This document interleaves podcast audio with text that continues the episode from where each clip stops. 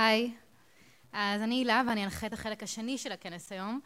אני ממש מקווה שנהנתם מכל החלק הראשון, אבל יש לנו עוד ערב עם המון דברים מעניינים ומרתקים, אז תשמרו את כל האנרגיות, באמת עומד להיות נהדר.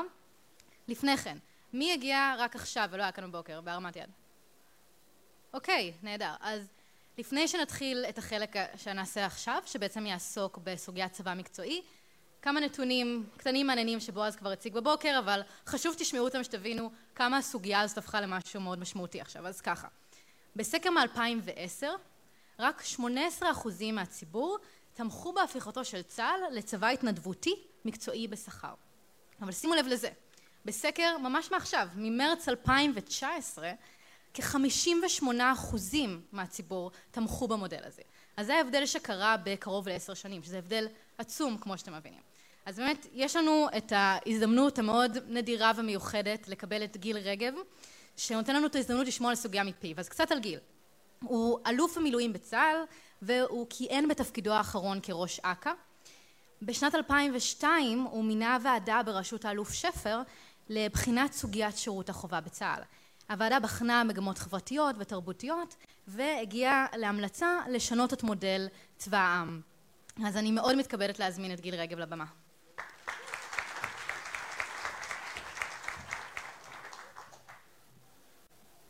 תודה. אה, לפני כ-15 שנים, שנה, קיימתי איזה כנס באגף כוח אדם עם בכירי האנשים. זה היה לאחר קיצוץ תקציבי עמוק.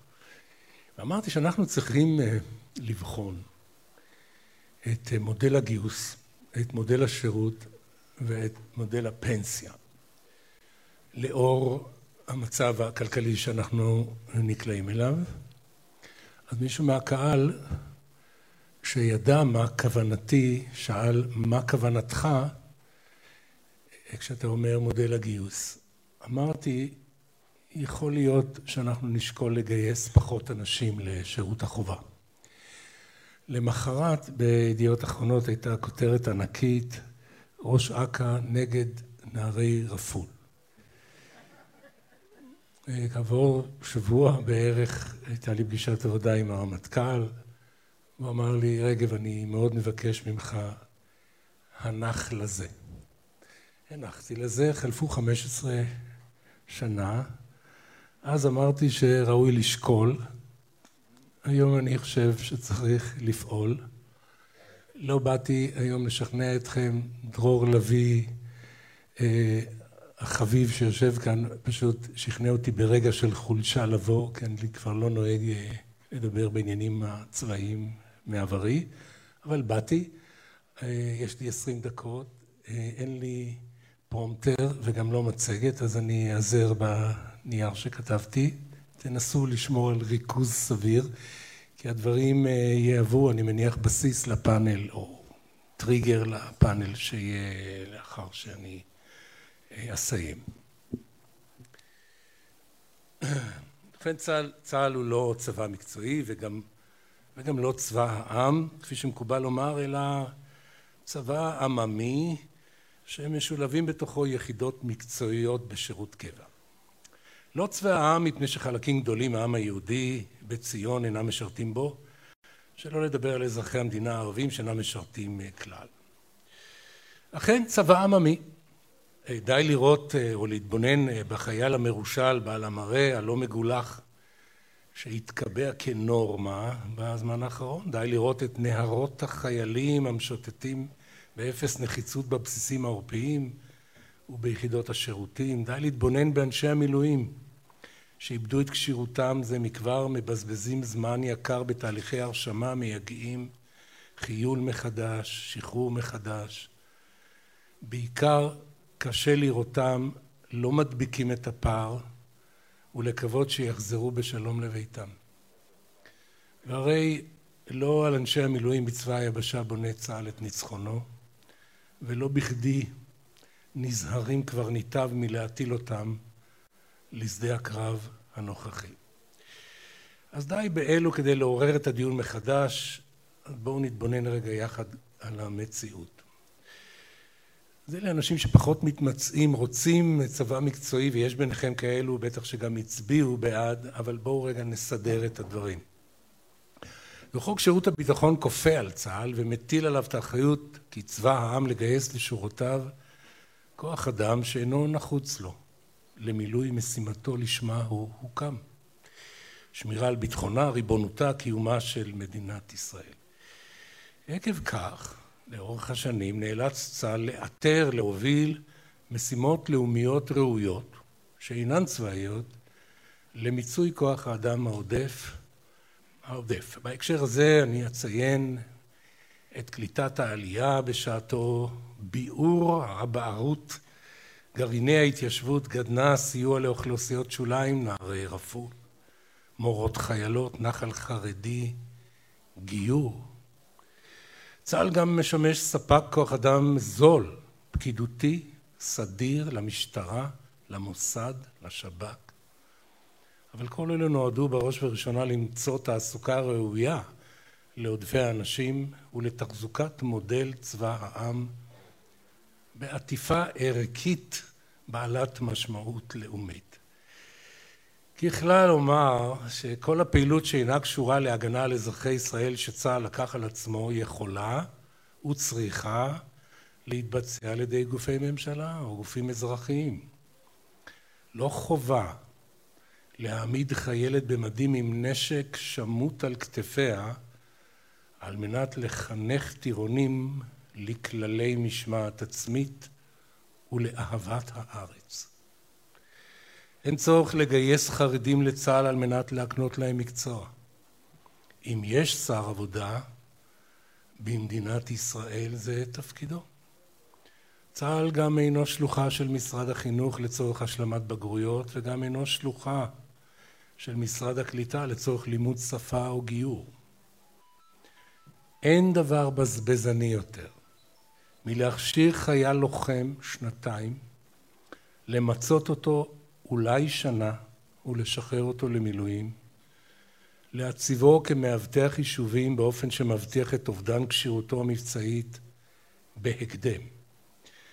אין דבר בזבזני מלגייס לשורות צבא אוכלוסיות שאינן מתאימות לכך מראש ועתידות לבלות חלק ניכר משירותם במאמץ להשתחרר מכבלי צה"ל בכל דרך אפשרית. נפקדות, עריקות, מאסר, עד לרגע הגואל בקבלתם פטור משירות על רקע נפשי.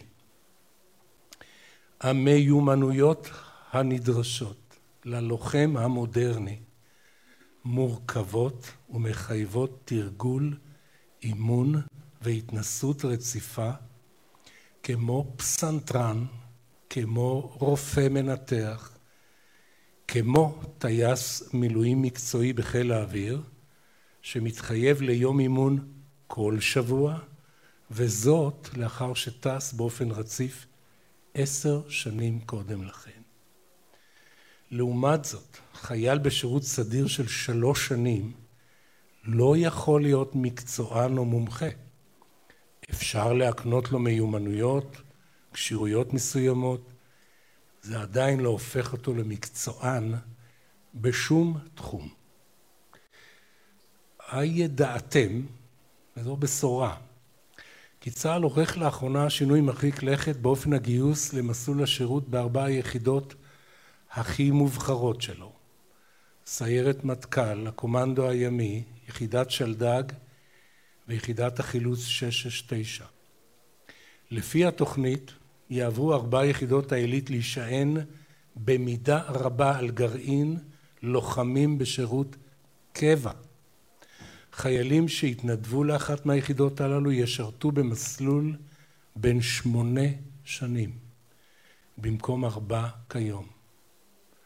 תשאלו למה עושים את זה? כי מזהים חוסר הלימה בין תהליך הכשרה ארוך ויקר למיצוי יתרת השירות המבצעי בפועל. העולם משתנה בקצב מהיר ואנחנו מחזיקים במודל גיוס ושירות שאינו מותאם למציאות, אז הנה לכם קצת נוסטלגיה. מי מכם זוכר שפעם חיילים ניקו את השירותים?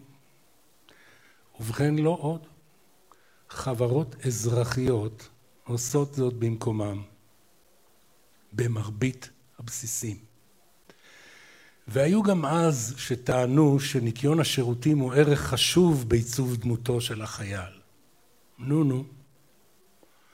זוכרים ששובצנו במטבח וקרצפנו במרץ את הסירים מהשומן שדבק בהם, ובכן צה"ל רכש מכונות משוכללות לשטיפת כלים, ואפילו הפריט את המטבחים בכל בסיסיו הגדולים, וכך נעלם כמעט לחלוטין המושג תורנות מטבח מסדר יומו. אני, ואולי יש פה כמה ותיקים, נסעתי עוד ברכב צבאי מסוג סוסיתא רום כרמל. ומדי יום חמישי בערב החל המרדף והמסחר אחר תלושי הדלק מחבריי בצבא הירוק, שאחרת לא יכולתי לנסוע הביתה. היה לי רכב לסוף שבוע, אבל לא סופקו לי תלושי הדלק בכמות הדרושה. כמה ויכוחים היו בשעתו על הפרטת הרכב הלבן בצה"ל. תרחישים אפוקליפטיים לרוב הוצגו בחדרי הדיונים, השתתפתי בהם. אבל מישהו זוכר בכלל את רכבי צה"ל עם המספרים השחורים שסיפקו בעיקר פרנסה לשוטרי המשטרה הצבאית? מצד שני, אתם יודעים שכל מערך ההחזקה של מטוסי התובלה בצה"ל מופרט. אתם יודעים שמטוסי ההרקולס והשמשון, אלו שמשתתפים במשימות העלומות הסודיות ביותר, מתוחזקים על ידי סתם אזרחים, שאפילו לא עברו בדיקת פוליגרף. אזרחים רגילים מהתעשייה האווירית שמעולם לא אכזבו, לא שבתו, לא איחרו בביצוע משימתם, להפך. וכך גם כל מערך המטוסים של בית הספר לטיסה, שמתוחזק על ידי חברת אלביט, וכך גם מערך הסימולטורים ועוד ועוד. אמנם רוב מערך ההחזקה בצה"ל נשען על צבא קבע מקצועי ומיומן, וטוב שכך, אבל כמעט כל מערך המנהלה, המטבחים, האפסנאות, הלוגיסטיקה, ניתנים לאזרוח או להפרטה, בדיוק כפי שהופרט הרכב הלבן בצה"ל. נשאלתי בכניסה על תהליכי שינוי, אז אני אומר על זה משהו. כי מה שמעסיק אותנו זה מתי זה יקרה, נכון? אז חייבים ככה להבין, שכל שינוי מהרגלים ודפוסים מוכרים הוא תהליך קשה. הן לפרט, כל שכן לארגון, שיעדיף יציבות וודאות על פני שינוי. זה האינסטינקט של הארגון, יציבות וודאות. שינויים בסדרי גודל כאלו מסוג מעבר לצבא מקצועי מתרחשים על רקע קיומם של אחד מהתנאים הבאים. או כי זה מאוד כדאי, או כי אין ברירה. ברוב המקרים השינויים מתרחשים על רקע משולב של כדאיות מצד אחד וחוסר ברירה מצד שני. להזכיר לכם את חגורות הבטיחות. חגרנו בזמנו כי החוק כפה זאת עלינו, והיום אנחנו מבינים כמה זה כדאי.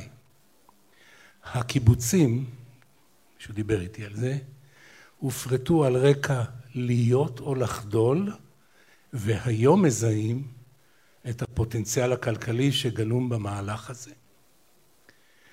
צה"ל לא שש לאמץ את מודל הצבא המקצועי מפני שהוא חושש מהלא נודע והמודל הנוכחי משרת אותו היטב הן בהיבט האיכותי והן הכלכלי.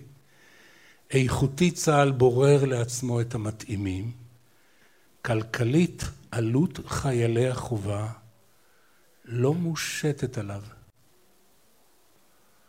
באומרו צבא העם, צבא העם, הוא מתחזק תודעתית בלבד את ערך השירות לכל, לכאורה כמובן.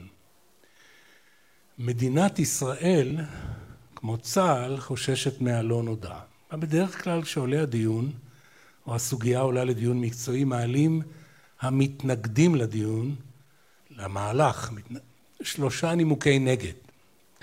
אני מניח שכאן באולם אין הרבה כאלה, אבל כדאי שתדעו מה הנימוקים שמעלים בדרך כלל בקלות. הראשון זה הטיעון הערכי. זה מה שאנחנו צריכים עכשיו, במקום צבא העם? שכירי חרב? חיילים בלי אידיאולוגיה? כאלו שלא יחתרו למגע? השני, הטיעון האיכותי. תראו מה קורה בצבא האמריקאי.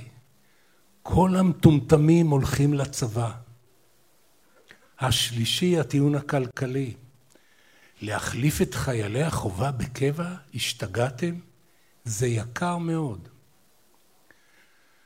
אלה שלושה טיעונים פופוליסטיים לא מקצועיים, בתכליתם אחת, לשמר את המודל הקיים. כי אם שירות בשכר פירושו שכירי חרב, על כל המשמעויות לעיל, אזי כל טייסי חיל האוויר הם שכירי חרב. הם מסיימים את הקורס ומקבלים מיד משכורת. כמו הם קציני חיל הים, חוקרי המודיעין, משמר הגבול, הימ"מ, הימ"מ המקצועי, הוא בעצם צבא הקבע שלנו צבא שכירי חרב. לכן הטיעון הזה נופל. מהטיעון האיכותי נגזר לכאורה שהצבא הקבע הוא בעצם פשרה לגבי אותם אנשים שאין להם אלטרנטיבה. זולת גיוס לקבע. ובלית ברירה צה"ל מחתים את הלא מוצלחים לשירות ארוך. ובכן די לראות כיצד משתלבים אנשי קבע בעמדות מפתח בשוק האזרחי לאחר שחרורם המוקדם או מאוחר, להבין שהמצב הפוך.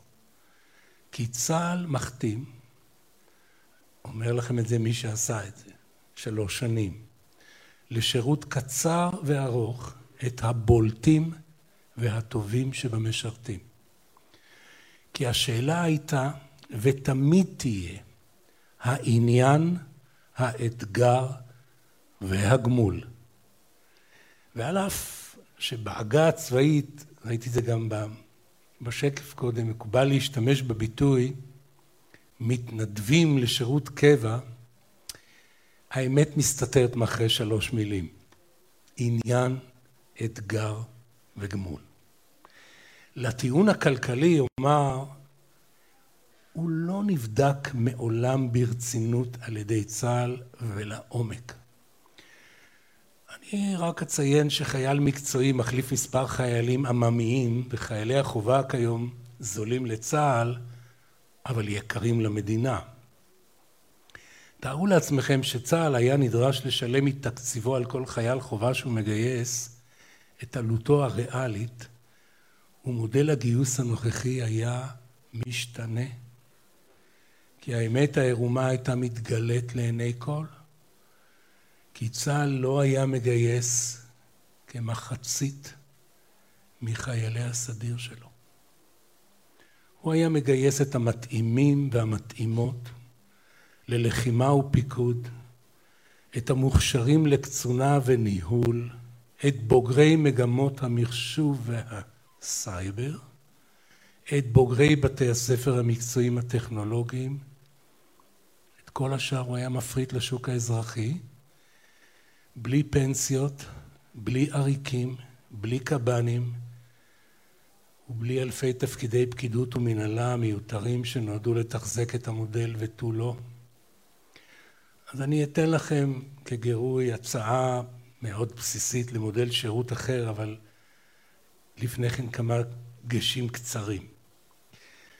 ראשית, מאוד חשוב להפריד את הדיון על הצורך לבין הדיון על ההיתכנות והמשמעויות. בדרך כלל מערבבים באותו דיון את שני המושגים, כיוון שבעצם מעולם לא התקיים דיון רציני על הצורך מחד גיסא, ומאידך גיסא כל אחד נותן פרשנות שונה לשינוי, אז אנחנו מצויים לאורך זמן בבליל של הבלים, תסלחו לי, כמיטב הדמיון של כל גורם שיש לו יד ורגל בנושא.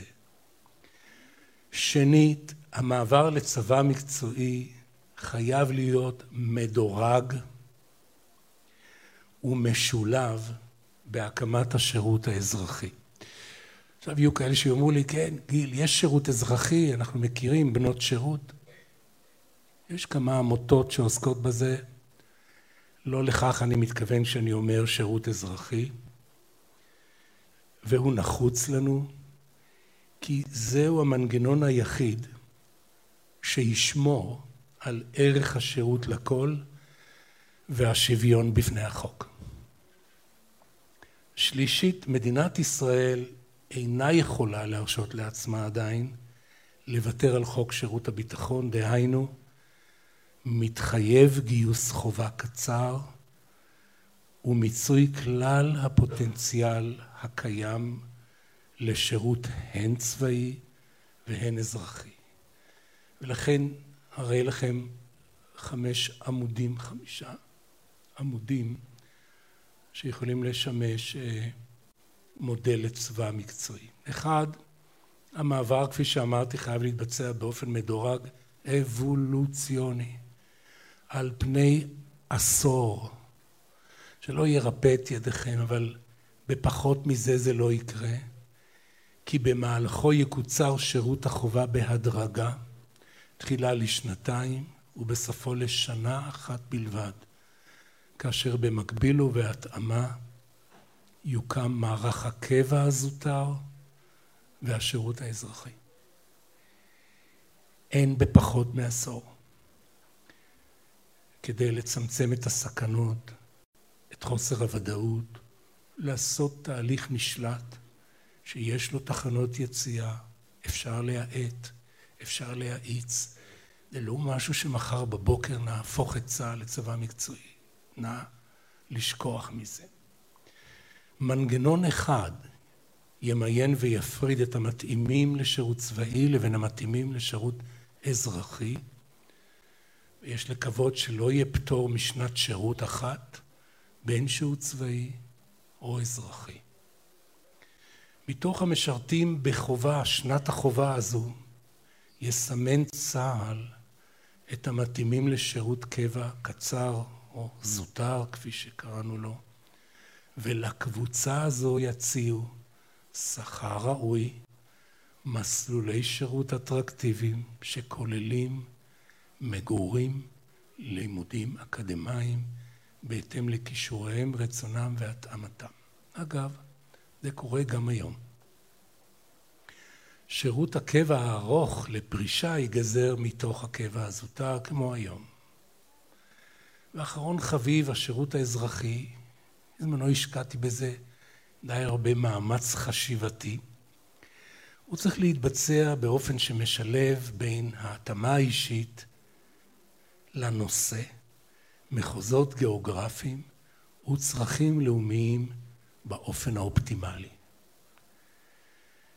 אני מסכם. המודל הזה שהערתי לכם אותו בחמש נקודות ובקווים מאוד כלליים ועקרוניים, זה לא דיון עבודה עכשיו, הוא לא זול מהמודל הקיים. הקמת השירות האזרחי כרוכה בהשקעה ראשונית והוצאה שוטפת לא מבוטלת. בדקתי את זה בזמנו. הקדמת הגיוס לקבע זוטר בתור, בתום שנת שירות אחת בלבד היא אתגר שרבים הנעלמים בו. ועדיין, ההצעה הזו משלבת בעיניי באופן מיטבי בין צורכי הביטחון של מדינת ישראל, צרכים לאומיים נוספים וראויים, ומיצוי הפוטנציאל האנושי. כראש אכ"א חשבתי תמיד שמיצוי הפוטנציאל האנושי זו אחת מנקודות התורפה העיקריות במודל הנוכחי. אנחנו לא מצליחים למצות את מלוא הפוטנציאל. כל אלו לצד ביסוס ערך השירות והשוויון בפני החוק. תודה. אז נעבור עכשיו לפאנל בנושא צבא מקצועי. אז אני רוצה להציג לכם את המנחה של הפאנל. אז המנחה שלכם אה, הוא ממייסדי התנועה הליברלית החדשה. הוא היה יושב ראש מפלגת עלי ירוק בבחירות לכנסת ב-2013, ולמרות מעט הכנה ומשאבים הצליחה להגיע למנדט וחצי. חוץ מזה הוא גם הקים את התנועה לצבא מקצועי, והיה אחד מהחלוצים של קידום המודל, והוא יציג לכם את שאר המשתתפים בפאנל. ירון.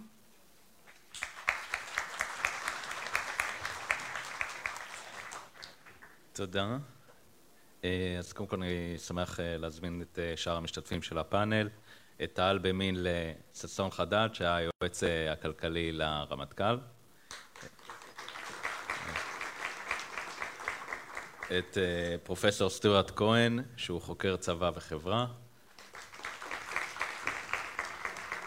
ואת דרור לביא, שהקים את חזית שפועלת למען צבא מקצועי. קודם כל, אני, לצערי, גיל אה, רגב כבר הלך, אה, אבל אני בכל זאת אגיד, אגיד לו תודה רבה. גיל רגב בעצם היה חלוץ לפני המחנה. הוא, כל מה שאנחנו עשינו זה בעקבות הדברים שהוא כבר עשה ב-2003, ודברים, טבעם, לוקח להם את הזמן שלהם, אבל הנה, התהליך הזה, כפי שאתם רואים, הולך ומתעצם, ואנחנו רואים את העלייה בתמיכה בצבא המקצועי. ובעצם גיל רגב הוא זה שהתחיל את זה. אז אה, למרות שהוא כבר הלך, עדיין אני רוצה להגיד לו המון תודה. אה, חוץ מזה אני רוצה קצת להתייחס לנושא הפוליטי, בכל זאת אנחנו באיזושהי תקופת אה, בחירות, ואתמול היו שני כנסים מדהימים. היה כנס ענק של זהות עם אלפיים איש, שכולם צועקים שוק חופשי וצועקים לגליזציה, ואחד מהדברים שהם רוצים לעשות אה, זה כמובן גם צבא מקצועי. ובמקביל היה כנס אה, של הליברלים בליכוד עם ראש הממשלה, שהוא מתחרה עם פייגלין ראש בראש, מי יותר אה, ליברל, וגם הוא מתחיל בעד לגליזציה ובעד שוק חופשי. ואז אנחנו רואים את הימין החדש תוקף מימינה ואומר שהם בעד שוק חופשי. וקשה לדמיין שרק לפני שמונה שנים היה את המחאה החברתית, וכל השיח היה, הייתי אומר, שונה לגמרי, ותראו כמה, כמה הדברים השתנו, ואני חושב שלכולנו יש חלק בזה, וזו ההצלחה שלנו. אז תודה. אז אני רוצה להמשיך בקו הזה של השיח שהשתנה, ובעצם השיח, אני חושב, היום אה, הוא הרבה יותר ליברלי, אנחנו רואים את את הנושא של חירות הפרט אה, מודגש, אה, מודגש אה, שוב ושוב במערכת הבחיר, הבחירות הזאת.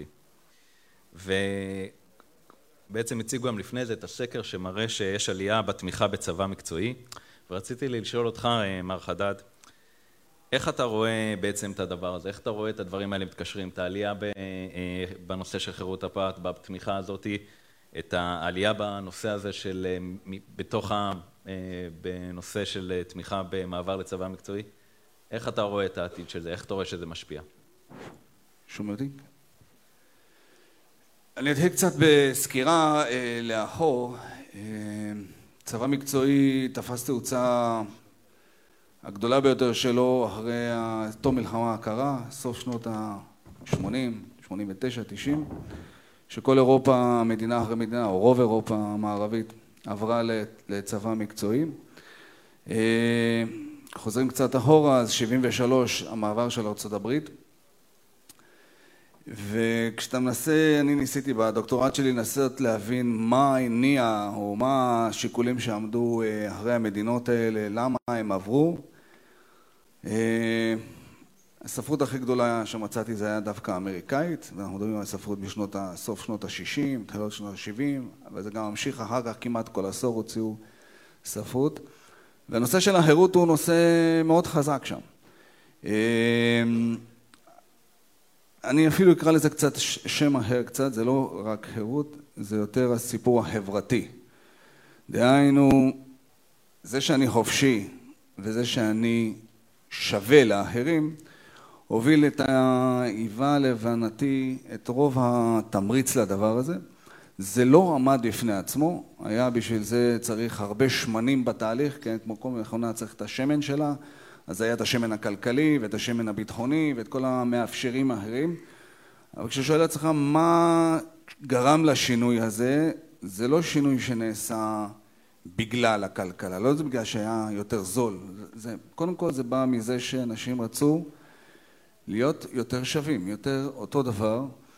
אה, וכשהגיעו מודלים בארצות הברית בסוף שנות ה-60 למודלים של הגרלות אה, ומודלים של... אה, בצבאות אירופה התחיל העניין של סרבני מצפון שהלך וגדל אפילו המקומות שהיו נראים בלתי ניתנים לשינוי כמו גרמניה עברו את השינוי הזה. 2011 גרמניה עברה לצבא מקצועי ארבע שנים, חמש שנים לפני כן, הספרות שנגעה בזה אמרה לא יכול להיות כי הצבא הזה זוכר את מה שקרה במלחמת העולם השנייה, זוכר את, ה, אה, את ההשתלטות של אה, הוורמאכט או מה שזה לא יהיה אה, וזה לא יכול לקרות אצלנו, אבל כש-90 אחוז פתאום עברו.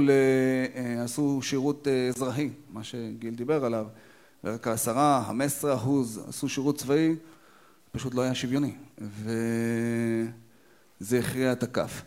אנחנו מדברים על חירות, על שוויון, לדעתי זה המניע הגדול ביותר של צבא מקצועי בסופו של דבר, זה לא עומד בפני עצמו. זאת אומרת, זה, זה, זה המניע. עכשיו צריכים לבוא ולראות האם זה ייתכן בכלל, האם יש אפשרויות, מה יותר מתאים מבחינה ביטחונית, מה יותר מתאים מבחינה כלכלית, מבחינה חברתית, המון המון שאלות שנבדקות אה, שהעם וה, והמנהיגים שלו אמורים לבחון אותם, אבל הסיפור של החירות והשוויון לדעתי הוא הטמון בפנים. תודה.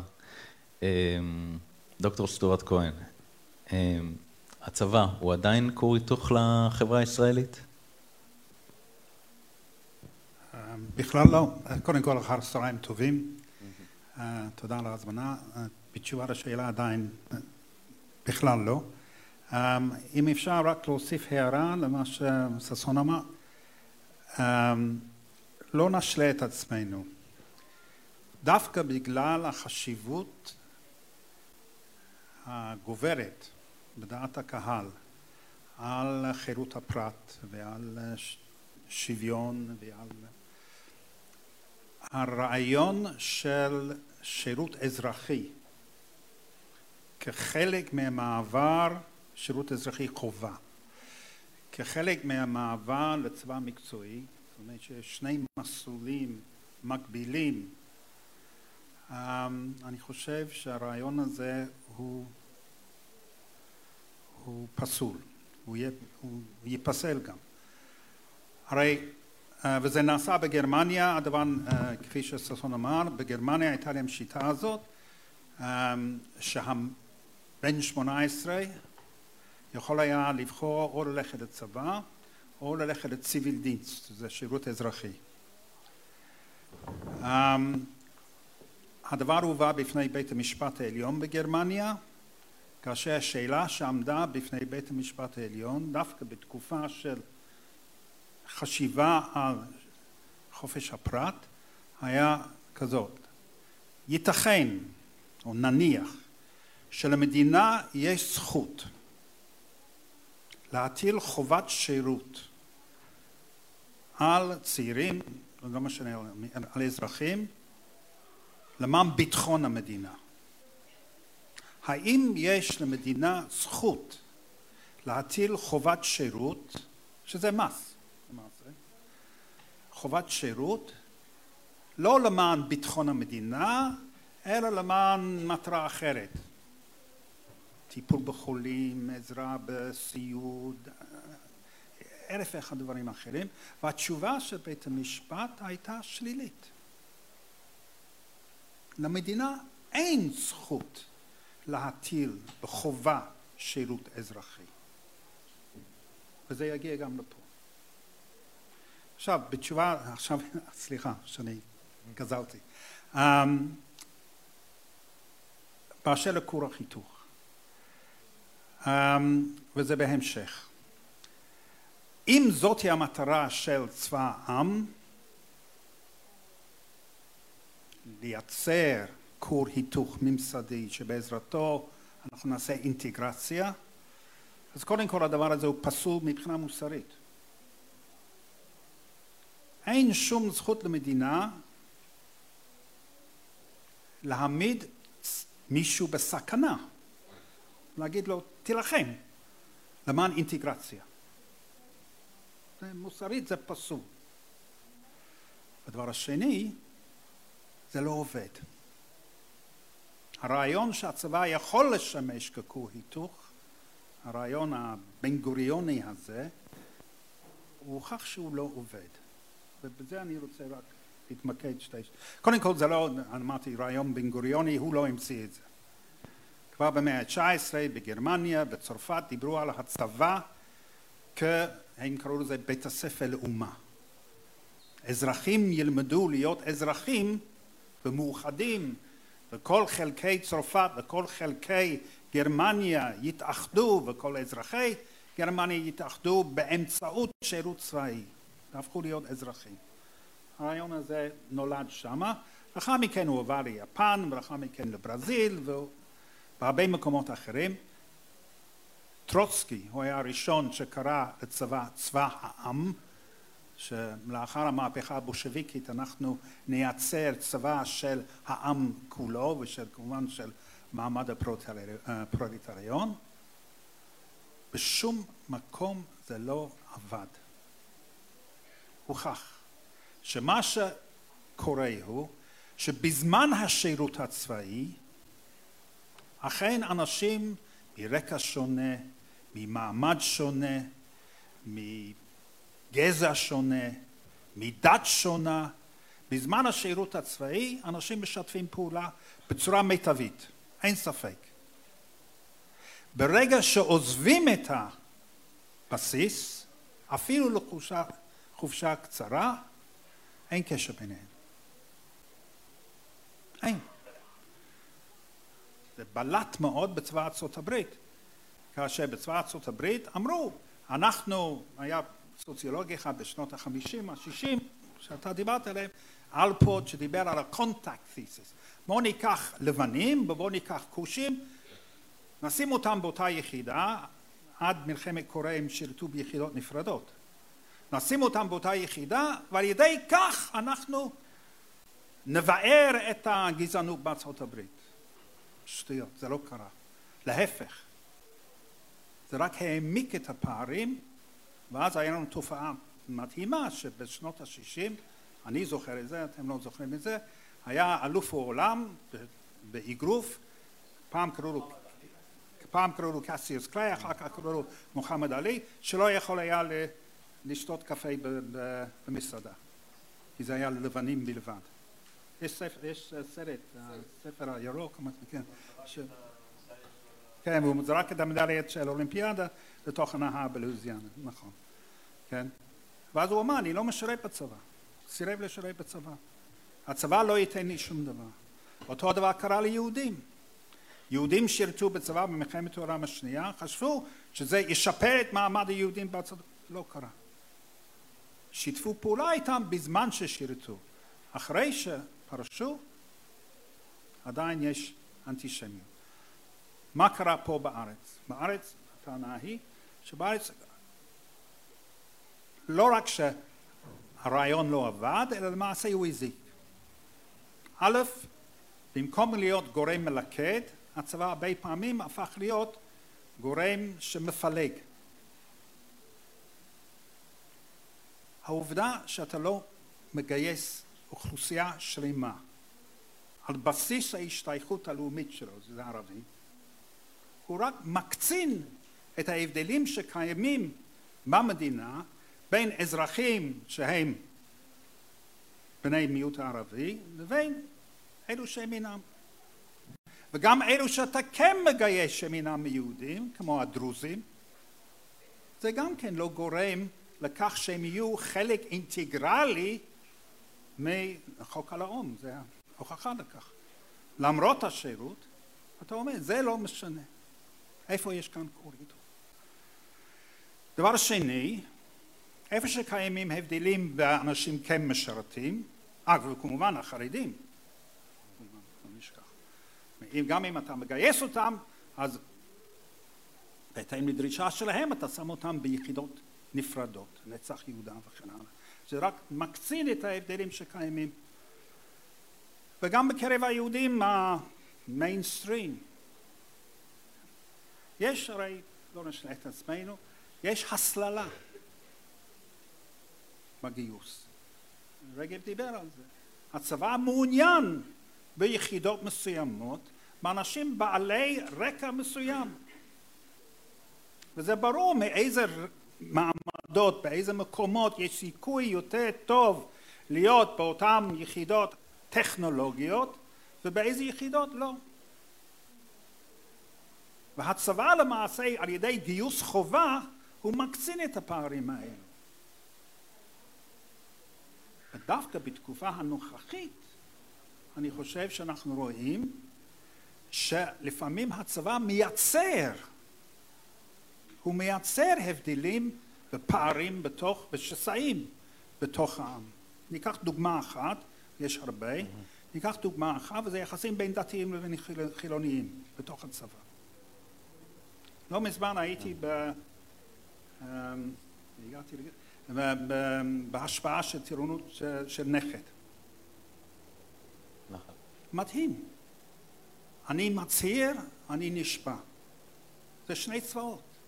טקס השפעה שאמור להיות סימפוניה, אחדות, כולנו בעד אותה מטרה, זה קקפוניה.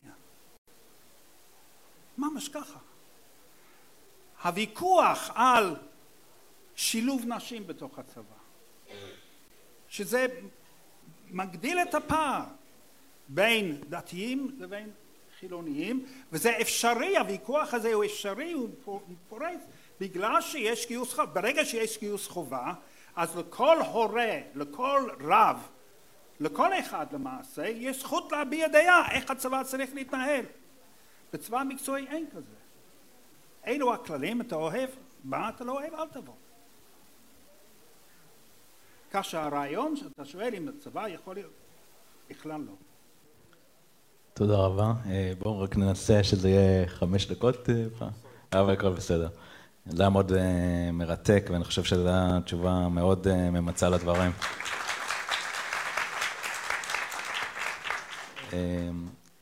דרור, הולכת להיות, בעזרת השם, כנסת מאוד ליברלית. מאוד מאוד ליברלית. איך אתה הולך להיעזר בזה, ואיך בכלל אתה הולך לקדם את הנושא של אה, צבא מקצועי במה שהולך להיות פה. אה, אז קודם כל מה שאנחנו עושים זה נפגשים עם החברי כנסת ומצליחים, אה, אני חושב שההיגיון לטובתנו והצדק לטובתנו ואנחנו כל עוד מקשיבים לנו אז אנחנו כל חבר כנסת שנפגשנו איתו הצלחנו להזיז אותו, הצלחתי להזיז אותו קצת. אה, אנחנו פועלים הרבה גם אה, להסברה, אה, מפיקים חומרים כל הזמן כדי שאנשים ידעו. ומסבירים, בסופו של דבר זה דבר שהלחץ הציבורי ישפיע על הפוליטיקאים. אנחנו רואים שזה גם עכשיו כבר מתחיל לעבוד, 58 אחוז מהציבור שהם עד גיל 35 הם תומכים בצבא המקצועי 48 אחוז אה, מכלל האוכלוסייה תומכים בצבא מקצועי אז התנועתיות היא לגמרי לכיוון שלנו. צריך לחשוב איך לעשות את זה בצורה טובה, אה, אחראית. אה, צריך באמת אחד הדברים המרכזיים שגם גיל דיבר עליו זה להכין דוח כלכלי מפורט כמו שצריך שבעצם נותן מחיר כמה זה עולה. זאת מין שאלה שנשארה פתוחה ונעלמת ובגלל זה יש חשש גדול אה, לעשות את זה וברגע שהשאלה הזאת יהיו לה תשובות אה, מה שנקרא רשמיות אז אה, אפשר יהיה יותר לקדם את זה. אוקיי, אה, מר חדד, אני רוצה לחזור אליך. אני רוצה לשאול אותך, הסכנה העיקרית במדל, שאני חושב שצבא מקצועי שכל הזמן מדברים עליה, האם בסופו של דבר יהיה לנו מספיק חיילים? האם יהיו מספיק אנשים שירצו להתגייס? ומה קורה במקרה שאין לנו מספיק? אז מה, מה אתה אומר לשאלה הזאת? לפני שאני עונה, אני רוצה גם להתייחס למה שאמר גיל, רציתי להגיד את זה לפני כן. למעשה מה שגיל הציע זה לא צבא מקצועי, זה לא בהגדרות המקובלות של צבא מקצועי. זה איזשהו שולב ביניים שהוא קרוב יותר למה שהיה באירופה, שנה שירות. זה פחות או יותר, אה, לדעתי אולי הרע במיעוטו מהבחינה הזאת. אה, ולכן כל הסיפור הוא אה, מה, על מה אנחנו מדברים כשאנחנו מדברים על צבא מקצועי. ואני רוצה להגדיר לפחות מה, למה קוראים בעולם הצבא המקצועי או צבא התנדבותי. מדברים על זה שאין אף אחד שמתגייס בעל כוחו. לחלק מהצבאות יש מנגנון במקרה חירום לאפשר גיוס חובה או גיוס בכפייה בשביל uh, uh, להתמודד עם מלחמות. האמריקאים יש להם מנגנון כזה למרות שבעיראק ובאפגניסטן כשהם רצו להפעיל אותו הם לא הצליחו להפעיל אותו מסיבות פוליטיות אבל לזה מה שמתכוונים כשקוראים צבא מקצועי. ומה שהציע אה, אלוף גיל, אלוף במילואים גיל רגב, למעשה זה איזשהו שלב ביניים. אה, ובאמת יש כאן שתי שאלות, מה, צר, האם, מה, מה הכי נכון והאם אפשר. עכשיו שאלת אותי בשאלה בסגנון של האם אפשר. זאת אומרת, האם יש מספיק, אם נניח שאנחנו כן רוצים ללכת לצבא מקצועי, אם יש מספיק אה, אנשים שהתגייסו, באיכות המתאימה וכן הלאה. במחקר שאני עשיתי, אגב, בדקתי את הנושא הזה לראות אם יש מחקרים כאלה, אם יש בכלל, כשעושים מחקרים כאלה בכלכלה, בודקים פשוט את, את ההיצע מול הביקוש. אה, וניסיתי למצוא מחקרים על ההיצע במדינת ישראל של כוח אדם ולא מצאתי. אין, אין מחקרים כאלה. אה, יש היצע חרדים, היצע נשים, קבוצות מסוימות, אבל אין היצע של כל השוק שעכשיו פורט אותו ובודק לאן אה, אנשים ירצו ללכת לעבוד. אם זה בהייטק, אם זה במקצועות צבאיים, אם זה בכל דבר. ולכן על השאלה הזאת צריך לעשות המון מחקר, זה, זה לא דבר פשוט. האמריקאים לקחו את זה אגב שנים שהם לקח להם לעשות את המחקרים האלה. אה, אני חוזר לאותה תקופה של שנות ה-60, ששם הספרות הכי ענפה. יש שם מחקרים של אוי ושל אה, אה, עוד חבר'ה רציניים. שעסקו בשאלה האם זה אפשרי תמורת שכר ובאיזה שכר יגייסו את האנשים וכן הלאה. אגב, המחקרים האלה התעלמו מנקודה אחת שאחרי זה פגעה בהם קשה, כשהאמריקאים עברו בסנות, בשנות, בסוף שנות ה-70 הם כמעט חזרו לגיוס חובה בגלל שהאיכות שהם קיבלו הייתה נמוכה ביותר אה, וזה נבע מזה שהם, המנגנון שבדק את האיכות והמנגנון השכר שלהם לא התאימו לצבא המקצועי והם מצאו את עצמם שוקת שבורה. אה, גם כדרכם בקודש הקימו ועדה, בדקו את זה בצורה רצינית במשך עשר שנים, את הקשר בין שכר, איכות ליכולת, ותיקנו את הדבר הזה, ובסוף שנות ה-80 כבר הצבא שלהם נחשב סביר, הוא נותן מענה לנדרש. על השאלה הזאת, האם בישראל יש מספיק אנשים, שאלה קשה. אנחנו יודעים שכשעוברים לצבא מקצועי, המחקרים מראים שאנחנו יורדים בערך ב-30% מה, מהצבא. תקחו את מה שיש היום, תורידו 30%, זה עדיין מספר מאוד גבוה. האם במשק שלנו יגיעו מספיק בני 18 עד 25, נניח שזה פחות או יותר יהיה גילאי הגיוס? שאלה שצריך לבחון אותה ולעשות עליה הרבה ניסויים לפני כן. ולכן במחקר שאני עשיתי המלצתי לעשות צעדים לקראת הצבא המקצועי ולא לממש אותו. בשלב הנוכחי, אלא להקים כל מיני מנגנונים שמאפשרים להסתכל, להתכונן, לבחון, כי אני מאמין שהצבא המקצועי יגיע לא בגלל שאנחנו נרצה או לא נרצה, אלא פשוט המציאות עושה את, שלה. היום החרדים והערבים מהווים כ-30% מהאוכלוסייה, ב-2060 הם יגיעו ל-50% מהאוכלוסייה, ושאלת האי שוויון והחירות תגיע לשיאים בלתי נסבלים או בלתי אפשריים, וזה יקרה.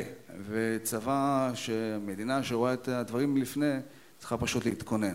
לכן השאלות האלה, כמו השאלה של האם יש, ובאיזה שכר הם יבואו, ובאיזה איכות אנחנו רוצים אותם, ואיך בוחנים כזה, כזאת איכות, ובאיזה מנגנונים אנחנו רוצים אה, שיישארו, ומה התנאים שלהם, ומה התנאים התשתיתיים שאנחנו רוצים בצבא, כן. הצבא האמריקאי כשהוא עבר לצבא המקצועי שינה את כל התשתית שלו, כולל כל הבסיסים, כולל המעמד של החייל, תספורות, פקודות וכן הלאה. אנחנו לא חושבים שמישהו שבא בהתנדבות פתאום ירצה לבוא עם הקרחת הזאת או מה שזה לא יהיה ויגיד אה, מוכן אני ורוצה אני בכמויות שאנחנו רוצים. לכן צריך לעשות כאן שינוי גישה גדול. ואני כן מסכים עם גיל שהדבר הזה צריך לעשות אותו בהדרגתיות. אני חושב שהדבר העיקרי זה קיצור השירות. אני תמכתי מאוד בקיצור השירות שנעשה עכשיו ויעשה בשנת 2020. קיצור השירות משלב גם את הסיפור של הקטנת הלחץ וגם הסיפור של בחינה של מה עושים אחר כך. הרמטכ"ל האחרון, גדי איזנקוט, היה נגד, אבל אחרי שהקיצור השירות האחרון בוצע, בשנה הראשונה מיד אחר כך, ב-2017-2018, התחילו תוכניות שנקראת שנ"בים, שנת שירות בקבע או בשכר, וזה איזן את היחידות הלוחמות דווקא בצורה יוצאת מן הכלל, והיום הוא מדבר אגב להקים, להפוך את זה מ-2,000 שיש היום ל-10,000, זאת אומרת זה נראה כיוון שמוכיח את עצמו, וזה אבל כיוונים איטיים שחשוב שהם יהיו, וזה באמת יהיה המבחן האמיתי. אגב, אותו דבר, לפני עשור, ניסינו להקים פלוגה קבע, פלוגת קבע לוחמים, ולא הצלחנו. לא היה לנו אנשים שחתמו, היום כבר כן. אוקיי. אמ, פרופסור אה, כהן, אה, שאלה, בצבא מקצועי, מאיזה אוכלוסייה תתגייס? אנחנו יודעים שמארצות הברית הגיעו בעיקר בהתחלה מהשכבות החלשות. האם אנחנו יכולים גם פה לצפות שזה מה שיגיע, שבעצם רוב האנשים בצבא המקצועי שלנו יגיעו מהשכבות החלשות? טוב שאמרת שבארצות הברית בהתחלה הגיעו מהשכבות החלשות. אה, מזה 15 שנה המצב הוא שונה לגמרי. אה, רמת החינוך בממוצע של החייל האמריקאי הוא הרבה יותר גבוה מאשר רמת החינוך של אה, האזרח שאינו משרת, רמת ההשכלה.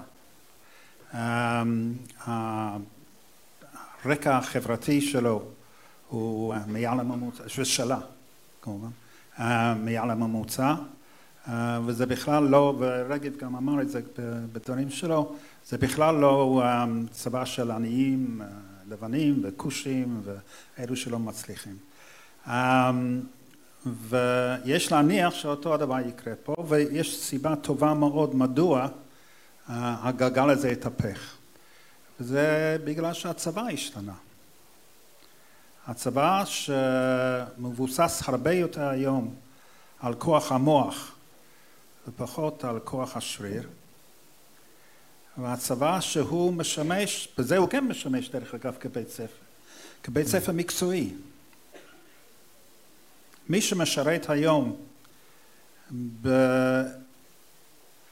באחד מהיחידות הרבות שהן בעיקר תומכות לחימה שמבוססות על טכנולוגיה מתקדמת, אמ, בעצם הוא סודר לכל החיים. כי הרבה מהמקצועות האלו הן למעשה אמ, דו-שימושי, הם לא רק בתחום הצבאי, אלא גם כן המיומנות היא מאוד שימושית גם בתחום האזרחי, כך שגם אם וכאשר הוא יפרוש, עתידו מובטח. אמ, אתה לא רואה הרבה מודעות בעיתון, דרוש נהג טנק. אתה כן רואה הרבה מודעות בעיתון או באתרים אחרים, זה לא עיתון היום, אה, למתכנתים למיניהם. וזה מקצוע שלומדים בתוך הצבא. וזה ימשוך אנשים גם לתוך הצבא. שהם ידעו שהם ילמדו מקצוע שבהחלט, הוא לא רק ישרת את המדינה, שליחות וכולי, אלא גם ישרת את עצמם. וזה קצת נוגע לשאלה שנשאלה קודם, אם יבואו מספיק. קודם כל, מספיק למה? אם אתה שואף לכבוש את כל המזרח התיכון ולהגיע לקוטב הצפוני, אז בוודאי שלא. אבל אין רע בזה, דרך אגב, שנקצץ קצת בשאיפות שלנו. ואם לא יבואו כל כך הרבה, אז uh, בסדר, נכיר במגבלות הכוח. זה לא, זה לא דבר שהוא, שהוא רע בפני עצמו. וב' אני חושב שבגלל הדבר שאמרתי קודם לכן, על הדו-שימושיות, um, וזה מה שהוכח בארצות הברית, שאנשים כן באים. מאינטרס אישי. ולא רק בגלל שהם אוהבים לשרת את המדינה. שני הדברים לא סותרים, אתה יכול גם לאהוב לשרת את המדינה וגם לדאוג לעצמך. לא רע בזה. תודה רבה. אה, דרור, מה אתה אומר? מתי נעבור לשם? אה, זה כמובן ייקח זמן, אבל אני חושב שאנחנו כבר מתחילים אה, גם בשיח הציבורי, גם בשיח הפוליטי. יש הרבה יותר היענות לזה, ואני מאמין שאנחנו בכיוון לשם, פשוט צריך לבצע פעולות שעד עכשיו לא, לא נעשות, צריך לדחוף את זה קדימה. אוקיי, okay, מחרדת אותה שאלה, מתי אתה רואה את זה קורה? טוב, אנחנו לא נביאים, ונבואה הסתיימה בבית אה, ראשון. אני חושב שיהיה הכרח לעבור על זה, ב, ב, לעבור על זה, ב, על זה בסוף שנות ה-20-60, או הכרח. האם לפני כן? יכול להיות שיהיו כמה שנים לפני כן. כל עוד לא חייבים, כנראה זה לא יקרה. אוקיי. וכהן, אה, פרופסור כהן, מתי אתה אומר זה קורה? תן אה, הימור. מחר בבוקר.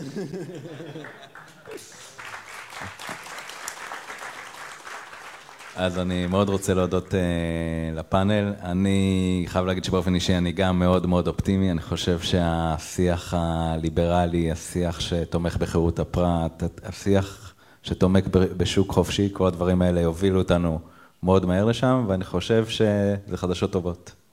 אז תודה.